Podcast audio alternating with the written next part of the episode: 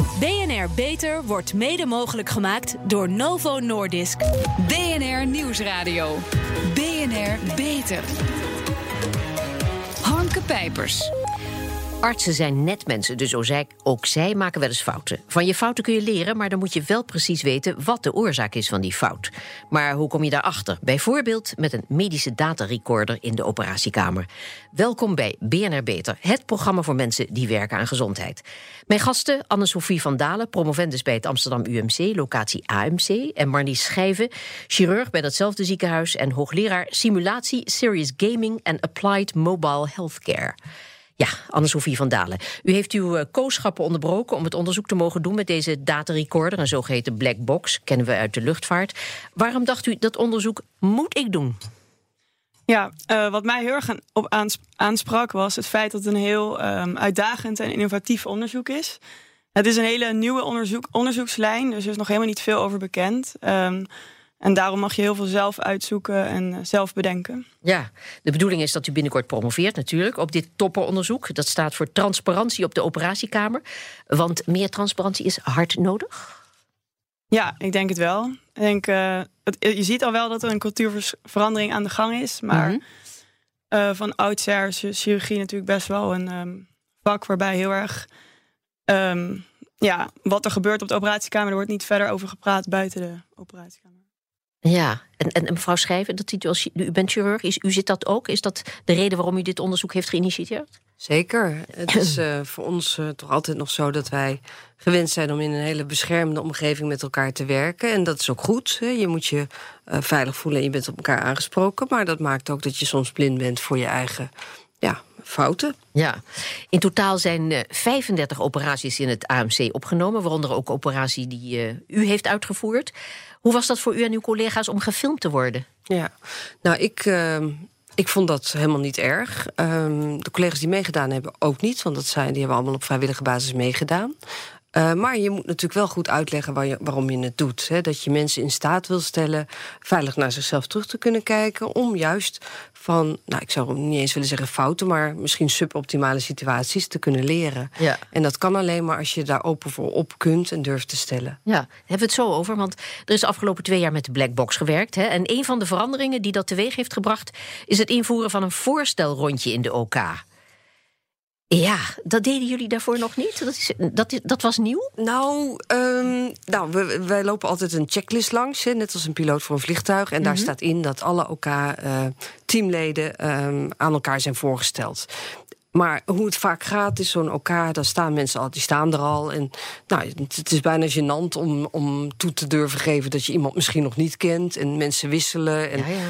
Dus ja, dat was gewoon niet een, een heel waterdicht systeem, zal ik maar zeggen. We hebben ook een bord waar we namen op schrijven. Maar ja, kijk maar eens achterom als je aan het opereren bent. En bovendien loopt dat wisselt ook. Dus we hebben nu bedacht, sinds deze week, dat we stickers op onze OK-muts hebben. Zodat je altijd in directe line of sight iemand kunt aanspreken en het grappige is, veel mensen lachen daar in het begin om. Ja, je maar het is gewoon maar het is fantastisch. Ja, fantastisch. Ja, want is het ooit wel eens gebeurd, eerlijk vertellen, dat een, uh, dat een van uw collega's, of misschien u zelf, iets zag, hè, wat misschien niet in de haak was, maar dat er niks werd gezegd, pas achteraf, omdat mensen dan stond na te denken van, oh, hoe heet die nou ook alweer, of hoe heet zij ook alweer? Um, nou, meestal werkt het eigenlijk zo, en dat geldt niet alleen voor als je chirurg bent, maar ik denk voor iedereen. Als mm -hmm. je in een situatie bent die je volle aandacht nodig heeft, dan is er gewoon minder ruimte in je hoofd voor andere zaken. En ja, als je echt een acute situatie moet oplossen ja. en je ziet een paar ogen boven een smoeltje met een pet erboven, ja, dan ga ik mijn uh, mentale tijd niet besteden aan wie is dit nou ook alweer. Mm -hmm. Dus dan wordt het hey, jij, ho, ha. En ja, dat, dat is niet zo heel efficiënt. Dus nee. het is, je wil er gewoon niet over na hoeven denken. Ja. Vandaar die naam. Maar de communicatie leed er wel eens onder. Ik weet lang niet altijd wie, wie bij naam wie er bij mij op elkaar staat. En uh, dat is misschien best raar om te zeggen. Maar ik durf, nou ja, ander kan dat beter zeggen dan ik. Um, uh, nog geen derde van de mensen die dat echt van iedereen weet. maar leidt het nou tot van ik hou mijn mond, want ik weet het niet? Wie is dat ook alweer? Nee, dat leidt tot. Uh, hey, ha, jij, ho, oh, ja. ja en dan iets harder roepen en nou dat. Ja, Um, Anne-Sophie van Dalen, wat was precies uw rol in dit onderzoek? Wat deed u tijdens die operaties en, en daarna? Uh, nou, ten eerste, in eerste instantie moest die operatie gepland worden. Uh, We hebben gevraagd aan de teamleden van Operatie Complex of ze mee wilden doen. Dus we moesten zorgen dat als we een operatie gingen opnemen, dat iedereen die op de operatiekamer stond toestemming had gegeven om mee te doen. Mhm. En vervolgens, um, ja, ik ben bij alle operaties aanwezig geweest. Ik heb braaf zitten kijken naar wat Ja. er allemaal gebeurde. en vervolgens moesten we de nabespreking gaan plannen met het hele operatieteam. Ja, En dat was, eh, bleek wel toch iets moeilijker dan eh, gedacht in eerste instantie. Wat natuurlijk ook logisch is, omdat je een team hebt van ongeveer zes, zeven teamleden die allemaal verschillende specialismen hebben, verschillende roosters, verschillende diensten. ja. Maar u heeft onderzocht hè, wat de mensen ervan vonden. Want ik heb begrepen dat aan het begin het personeel nog wel wat twijfels had. Vind ik ook, dat, dat is te snappen. Maar zijn ze inmiddels allemaal om? Ja, het was heel leuk om te zien inderdaad. In het begin waren mensen nog een beetje huiverig, maar zodra ze een keer hadden meegedaan, dan zagen ze allemaal in hoe waardevol het is en dat het helemaal niet eng is en dat het helemaal niet die- eh, de bedoeling is dat mensen, ja, ge- geen blaming en shaming, maar dat het echt voor de mensen zelf is om ehm, ja, een keer in een veilige omgeving te praten over wat er nou eigenlijk gebeurt en eh, Ja. hoe het in vervolg beter gedaan kan worden. Mevrouw Schrijven, hè, bijna iedereen zou dit dus aan collega's aanbevelen. Be- Betekent dit dat de blackbox de standaard wordt in de operatiekamers van eh, het AMC en vele ziekenhuizen zullen volgen? Ehm, laten we hopen van wel. Maar dat betekent ook dat je de condities daaromheen echt goed moet waarborgen. hè. Mensen moeten in staat zijn om veilig naar zichzelf terug te kunnen kijken. En wat Anne zo net zei, de mensen die in het begin vaak de grootste. Nou, eh, bijna criticasters zijn, dat worden later de belangrijkste ambassadeurs. Dus je moet dat ook echt goed onderschrijven en adresseren. Ja, maar, maar zijn er al eh, overtuigende bewijzen van het nut van, eh, van de blackbox? Ja, die zijn er zeker. Ik heb mijn eigen operatieroutine veranderd. eh, door wat ik van mezelf terug heb gezien. Ook op aanwijzingen van de OK-verpleegkundige. Nou, de. OK-verpleegkundige stond meestal links van mij... terwijl ik rechtshandig ben. En vraag me niet waarom, dat was zo. Ja, Ehm, maar ik gaf dus alles dat je over... daar een blackbox voor nodig hebt, sprak Nou, vast. ja, dat wist ik dus ja, niet bewust. En dus gaf ik alles over links aan, waardoor soms spullen op de grond vielen. Of nou, dat is allemaal niet handig. Ehm, dus die staat nu rechts van me. Een heel simpel voorbeeld. Maar vaak zijn het de simpelste dingen waardoor een operatieflow juist veel makkelijker wordt. Ja, begrijp ik. Op 31 oktober werd eh, het congres eh, Operatiekamer Transparant georganiseerd. Hè. Specialisten uit de medische, juridische en technologie sector die kwamen daar samen om het belang van dataregistratie en verwerking daarvan te bespreken. Want het is niet bepaald een kwestie van wat camera's neerzetten. En klaar is Kees of Anne-Sophie. hè? Nee, zeker niet. Eh, je moet natuurlijk wel een veilige omgeving creëren. Dus er Ja. moeten duidelijke afspraken gemaakt worden voordat je hiermee begint. En mensen moeten ook er vertrouwen in hebben dat eh, wat er besproken wordt tijdens de nabespreking ook echt eh, niet in de verkeerde handen terechtkomt. Ja. Mevrouw Schijver, ehm, er waren ook mensen van de Inspectie Jeugd en Gezondheid op het congres en mensen van VWS. Is het denkbaar dat er bij een calamiteit eh, beelden worden opgevraagd? Ik, eh, ik kan me zo voorstellen namelijk dat dat tot onrust zou leiden. Ja, nou daarom was het ook heel goed dat Ian Lijstikhoff aanwezig was op het congres. En ehm, we hebben ook meermaals met de inspectie en met VWS om tafel gezeten. Zolang je het patiëntendossier goed bijhoudt. En Ja. het is belangrijk te beseffen dat veel data die naar Blackbox gaat ook gewoon in het patiëntendossier zit. Ja. Is er geen enkele reden voor de inspectie om dat op te vragen. En dat wordt ook onderschreven en benadrukt door de, inspec- door de inspectie als je gewoon je werk netjes doet. En dus zorgt dat het eh, patiëntendossier gewoon goed bijgehouden wordt, dan hoef je er echt niet bang voor te zijn. Nee, maar dan begrijp ik het toch niet helemaal. Want wat er dan gebeurt, dat komt ook in het patiëntendossier terecht? Ja, de, de, als ik opereer, mijn laparoscopievideo zit gewoon in het patiëntendossier. Ja, ja, oké. Dus dat is een duale datastroom. Eentje wordt meegebruikt in de blackbox samen met andere data om goed oorzaak en gevolg te kunnen voorspellen. Maar data die relevant is voor de patiëntenzorg zelf. Ja. En de patiënt is in dit onderzoek ook geen onderwerp van onderzoek, dat is het OK-team. Ja. Dus de data van belang voor de patiënt zelf, die gaat gewoon in het patiëntendossier. Tijdens het congres bleken er geen juridische of politieke belemmeringen te zijn hè, om die medische dataregistratie in te voeren. Maar het grootste struikelblok is een noodzakelijke cultuuromslag. Nou, mensen die. ehm, Kijk, mensen zijn huiverig hiervoor omdat ze uh, niet goed weten hoe de voorwaarden en condities geborgd zijn. Mm -hmm. mensen zien op straat iedereen die filmt met een mobieltje en dat eindigt op YouTube. En Um, je moet die angst wel adresseren, ook al is die onterecht. Want als je daar even aan denkt, dan denk je, ze hebben gelijk. Ja, he, dus, maar je moet mensen dus heel goed uitleggen... waarom ze niet bang hoeven te zijn. Mm -hmm. En dat je gebruik mag maken van de voordelen... die zo'n systeem voor je biedt. En um, nou, daarvoor moet je een uh, heleboel processtappen door, En dat heel transparant, vandaar ook de titel van het congres... Ja. uitleggen. Ja. En als iemand dat uh, daarvoor openstaat om dat uh, nou, goed te beluisteren... hoe, hoe is dit dan geborgd? Ja. dan kunnen ze niet anders dan aan het eind van zo'n congres onderschrijven... ja, wij zijn in staat om veilig naar onszelf terug te kunnen kijken. Ja, en, en, en bovendien, als er tijdens een operatie een vergissing uh, dreigt dan zul je nu wel uh, uh, laten om niet je mond open te doen, denk ik. Uh, nou, misschien is dat zo, maar ook ja. daar leer je van. En ja. wat mensen ook gewoon wel moeten beseffen... is, wij hebben gewoon een meldingssysteem in het ziekenhuis. Blackbox of niet, ja. het ontslaat je niet van de verantwoording... om een calamiteit gewoon te melden. Ja. Secretaris-generaal Erik Gerritsen die gaf aan dat het ministerie het gebruik van een blackbox toejuicht. Mogen we verwachten dat uiteindelijk elk ziekenhuis zo'n ding zal hebben in de operatiekamer? Ik denk dat in deze tijd, waarin we met z'n allen uh, zoveel kunnen leren van uh, uh, op goede wijze vervaardigde videoopnames, dat over een tijd normaal zal zijn. En net zo goed als mensen in andere hoogrisicoberoepen, zowel politieagenten met bodycams of in uh, nucleaire faciliteiten, in cockpits, in slachthuizen, overal waar risico's zijn, is het goed om daarvan te leren. Ja.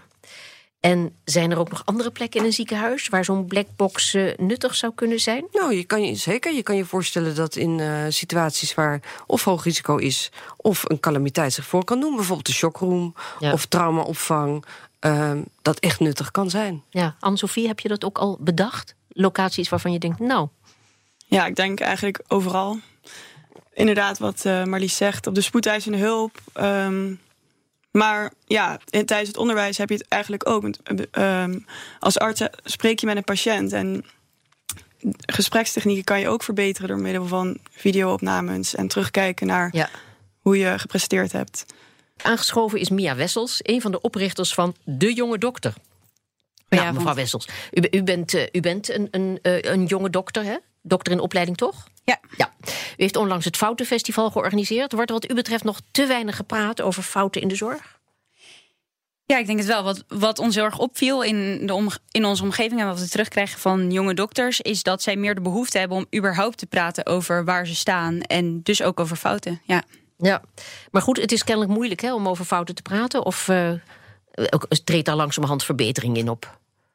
Allebei, denk ik. Ja. Ik denk dat het steeds meer gebeurt. En ik denk ook dat het lastig is. Het vergt enorme kwetsbaarheid op ja. verschillende vlakken. En, en heeft u wel uh, in uw jonge carrière uh, alles een fout gemaakt? Of dreigt u een fout te maken? Is u iets uit handen genomen omdat het niet goed ging? Ja, zeker. Ik ben nog in de fase waarin ik gesuperviseerd word. Dus alles wat ik doe wordt nagekeken. Ja. Maar ik heb zeker wel eens geassisteerd bij een operatie. Moest ik iets vasthouden. En dan zat ik gewoon niet op te letten. Of, of ik besefte niet dat ik, dat, dat ik onbewust aan het trekken was aan iets. En dan, oh, wat gebeurde er dan? Dan, het weefsel ging een beetje kapot. Maar dat kon de chirurg heel goed herstellen. Ah ja. Ja. ja. En, en zat je daar erg mee? Ja. Maar... In verhouding, ik bedoel, het was, het was echt maar een heel klein beetje schade. Ja. En het was heel makkelijk herstelbaar. Maar voor mij het gevoel dat je schade berokkent aan iemand... dat ja. is niet waarom je geneeskunde gaat studeren. Nee. En werd er erop afgerekend of kon u er achteraf goed over praten? Op dat moment word je overgenomen. Ja. En terecht. Je wordt dus, overgenomen, oké. Okay, ja. Klinkt een beetje eng, maar... ja. Nou, ik denk dat dat is waar jullie het net over hadden. Er, er moet een gezonde hiërarchie bestaan. En op het moment dat er beslis, beslissingen gemaakt moeten worden... Moet, er, moet het heel duidelijk zijn wie dat doet. Ja. Chirurg ja. Johan Lange die ijvert al jaren voor cultuurverandering in ziekenhuizen. Want volgens hem moeten verpleegkundigen, assistenten en artsen in opleiding de medische specialist durven aanspreken als er iets niet goed gaat. Is dat in de praktijk nog steeds uh, ingewikkeld, mevrouw Schrijven? Of die uh, stickers op de hoofden, dat, dat verricht wonderen? Hoe zit dat? Nou, dat is best ingewikkeld. Ja. Uh, zeker voor jonge mensen die net op een operatiekamer ehm, starten met hun werk. Um, is dat spannend? En uh, ben je dan toch de chirurg? Of dan denken ze, ik zal het wel niet goed weten. Of dan, ja, die voelen zich kwetsbaar. En daarmee zijn ze kwetsbaar om zich te uiten. Ja. Uh, en dat moet je aanmoedigen. Mm -hmm. Johan Lange zag een aantal jaren geleden al zag hij al wel dat die cultuur heel langzaam aan het veranderen is. Maar het feit dat er steeds meer vrouwelijke artsen komen, heeft volgens hem een gunstige invloed op de macho-cultuur. Want die macho-cultuur, merkt u daar nog veel van? Nou. Mevrouw van Dalen? Oeh, nu moet ik oppassen wat ik zeg natuurlijk. Vertel. ja, uh, nee, ik denk dat bij ons wel heel erg meevalt. Ja? Ja. Nou, misschien bent u iets te voorzichtig. Want uh, was, ik ben inmiddels ook erg uh, benieuwd naar het antwoord van Marlies Schrijven. Ja, wat moet ik erop zeggen? Nou, vertel. Um, zo wordt het nou. Vaak zeggen co-assistenten die bij ons beginnen. Aan het mhm. eind zeggen ze: Nou, het viel me alles mee. Of het was niet zo eng als ik gedacht had. En dan denk ik: Ja, jee, maar het is toch een soort van hardnekkig mis, misverstand dat chirurgen. Uh, ja, wij zijn gewoon. Uh, het is mijn vak, maar verder ben ik uh, gewoon. Ehm, ja, maar je bent een vrouw in het vak, dat helpt, heb ik begrepen. Nou, ik weet niet of het helpt. Je kan ook zeggen dat vrouwen in het vak, zeker uh, voor mijn leeftijd, echt hun best uh, moeten doen in die cultuur. Er zijn ook mensen die dat denken. Ja, ja, ja. En dat ze misschien wel erger zijn. Ja. Uh, dat wordt nou, ook wel eens hoe is, dat, hoe is dat mee? dat kan ander beter zeggen dan ik, denk ik. Ja. Ja, ja Mia Wessels? Nou, ik denk wat, waarin, het, waarin je zou kunnen zeggen dat het een macho cultuur is, is dat we het enorm moeilijk vinden om kwetsbaar om onszelf kwetsbaar op te stellen. Mhm. Eh, en, en dat zou je kunnen bestempelen als macho. Of dat nou slecht bedoeld is, denk ik niet. Ja. Maar dat is wel waar je het in terugziet. Ja, maar, maar volgens chirurg Johan Lange mag er op de werkvloer geen sprake zijn van traditionele hiërarchie. Nou, dat vinden we hier allemaal ook. Iedereen maakt fouten. Je moet je feilbaarheid en die van collega's erkennen. Maar dat moet je volgens hem al leren tijdens de opleiding. Is dat iets wat in de opleiding voldoende aandacht krijgt? Anne-Sophie van Dalen? Ja, naar mijn mening te weinig inderdaad. Niet of te weinig? Ik denk vrijwel niet eigenlijk. Wat denk jij, Mia? God, er moet even overlegd worden. Doe maar hoor, jonkies, doe maar. Nee, maar ik, kan me niet herinneren dat ik daar ooit uh, les in gehad heb. Ja. En mevrouw Schrijven, bent u het hiermee eens? Of, of heeft hiërarchie in de operatie toch ook nog wel enig nut? Het heeft zeker enig nut. Hè. Uiteindelijk moet er wel een beslissing genomen worden. Maar ik geef ook les aan, uh, aan jonkies, zoals u het zo mooi formuleert. Ja, en dan zeg ik... Nou, dat zeg ik ook vaak. Van, weet je, wat is. Uh, dan geef ik ze een vraag en dan zie ik ze allemaal moeilijk nadenken. En zeg ik, hè, jullie zitten hier nou zonder witte jas en dan durf je van alles te zeggen. Mhm. Maar je moet ook durven vragen strakjes als je rondloopt in het ziekenhuis. Waarom vraagt u me dit? En dat kun je best op een hele normale toon vragen. Uh, maar dat, dat, dat vinden mensen heel moeilijk om, om te laten zien dat ze nog niet uh, zo ver zijn in kennis als wij. En nou, chirurgen vinden het vaak heel, heel leuk juist om hun kennis te uiten. En daar zit dus een soort van mismatch.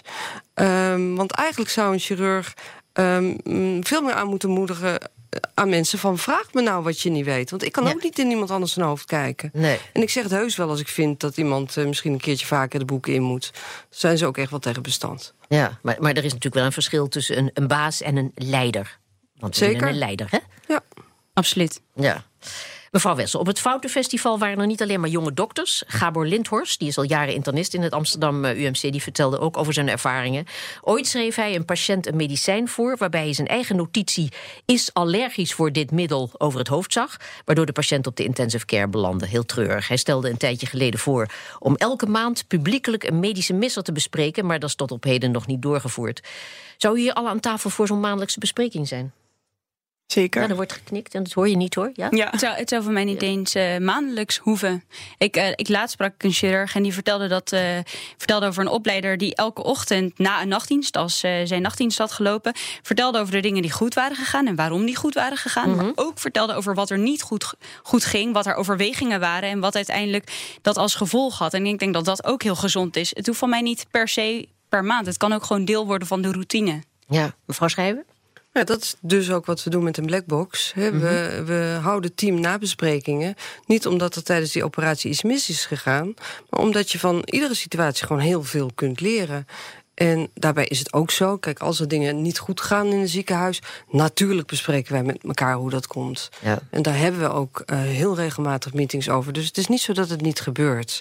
Het is wel goed dat er meer aandacht voor gevraagd wordt. Ja. Inspecteur-generaal eh, Ronnie van Diemen en senior-inspecteur Ian Leistikoff van de Inspectie voor Gezondheidszorg en Jeugd, de IGJ, schreven onlangs een gezamenlijk artikel in het boek Wat is er met de dokter gebeurd? Nou, ze zijn alle twee opgeleid tot arts en ze pleiten er in hun artikel voor dat artsen elkaar meer moeten aanspreken op onprofessioneel gedrag en dat zouden artsen meer moeten leren tijdens hun medische opleiding al. Want volgens hen is er sprake van een verborgen curriculum. In een onuitgesproken socialisatieproces wordt jonge artsen aangeleerd hoe zij zich horen te gedragen. Ja, is dit iets wat u herkent, mevrouw Schrijver? Nou, uh, ik vind het wel zwaar, uh, um, uh, hoe zeg je dat, zwaar aangezet. aangezet. Ja. Ik denk dat tegenwoordig in de curricula heel veel aandacht is voor sociale vaardigheden. En zelfs wel eens dat ik denk, ja, maar leer je nou ook nog wel eens een injectiespuit klaarmaken? oh ja, ja. men slaat door. Nou ja, weet je, het, is, um, het, het, zou eigenlijk zo moeten zijn dat het, het, een natuurlijk onderdeel van je opleiding is en niet stopt als je de kooschappen ingaat. Ja. want dat vind ik wel, op het moment dat de kooschappen ingegaan worden, dan Um, ja, het is eigenlijk bijna een soort harde knip tussen al het sociaal mm, sturende onderwijs en de praktijk. Mm. En wat ik nog wel eens mis in het voorstuk is uh, gewoon technische handelingen. En uh, op het moment dat mensen eenmaal in de kooschappen zitten, juist dat stukje sociale ondersteuning. Maar ik weet niet of jullie dat ook zo zien.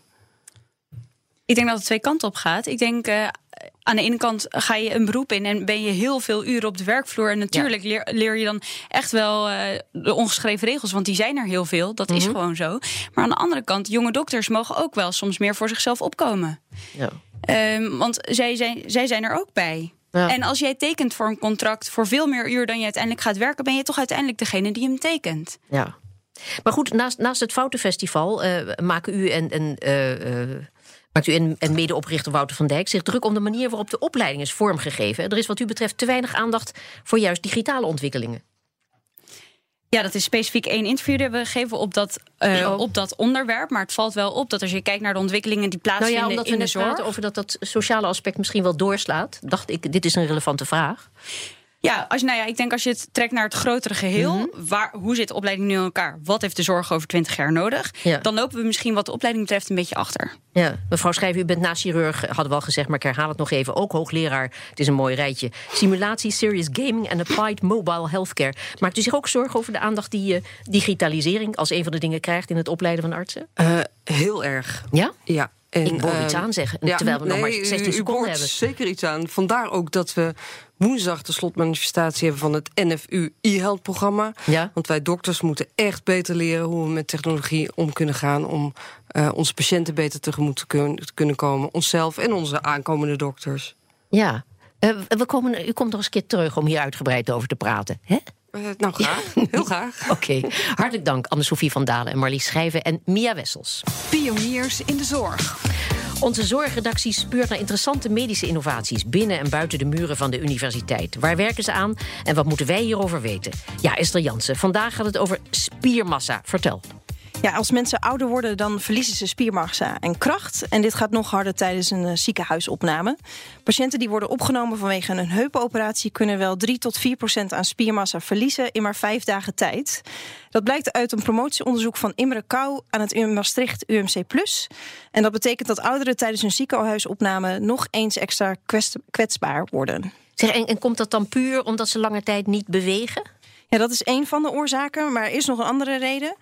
Uh, mensen die worden opgenomen in een ziekenhuis hebben vaak toch wel stress en daardoor minder eetlust. En in haar onderzoek liet Kou zien dat oudere patiënten die bijvoorbeeld zo'n heupoperatie ondergaan, wel tot 30 uh, eh, tot 35 procent van hun eten laten staan. En daardoor krijgen ze te weinig eiwitten binnen. En eiwitten zorgen voor de aanmaak van spiermassa. Ja. Uh, maar ik heb ook begrepen dat uh, veel oude mensen tot voor kort ook met veel te weinig spiermassa en veel te weinig reserve dus zo'n operatie ingingen. En dat daar nu ook wel aandacht voor is. Ja. Maar wat zou een ziekenhuis hieraan kunnen doen? Nee, dat heeft de Imre Kou ook onderzocht. Uh, want er zijn gelukkig manieren om die spiermassa op, te, op peil te houden. Dat vertelde zij mij. Nou, als we spiermassa willen behouden of toenemen, Um, is het belangrijk dat we dan voldoende eiwit in de voeding consumeren. Dus per maaltijd zo'n 25 tot 30 gram aan eiwit per maaltijd. Maar daarnaast zien we ook dat tijdens ziekenhuisopname inderdaad de eetlust afneemt. Dus dat het niet altijd mogelijk is om met elke uh, maaltijd genoeg eiwit in te nemen. Dus dan denken we dat we bijvoorbeeld voor het slapen gaan een extra mooi tijdstip hebben om extra eiwit in te nemen. Ja, een shotje eiwit voor het slapen gaan dus. Nou, je zou inderdaad bijvoorbeeld kunnen denken aan een eiwitrijk drankje voor het slapen. Of het eten van een eiwitrijk product. Want hierdoor wordt de aanmaak van nieuwe spieren tijdens de nacht met 33% gestimuleerd, eh, zegt de Imre Kou. En als je nog, dat nog eens combineert met wat meer beweging, zorgt dat voor een nog meer nachtelijke spieropbouw. En hierdoor herstel je hopelijk sneller. Oké, dankjewel Esther Jansen. En tot zover deze uitzending van BNR Beter. Op bnr.nl slash beter is deze uitzending terug te luisteren... of on demand via de BNR-app, Spotify of iTunes. En we zijn ook op Twitter te vinden onder BNR Lifestyle. Heeft u tips voor ons? Laat het ons vooral weten. Ik ben Harmke Pijpers. Graag tot een volgend spreekuur. BNR Beter wordt mede mogelijk gemaakt door Novo Nordisk.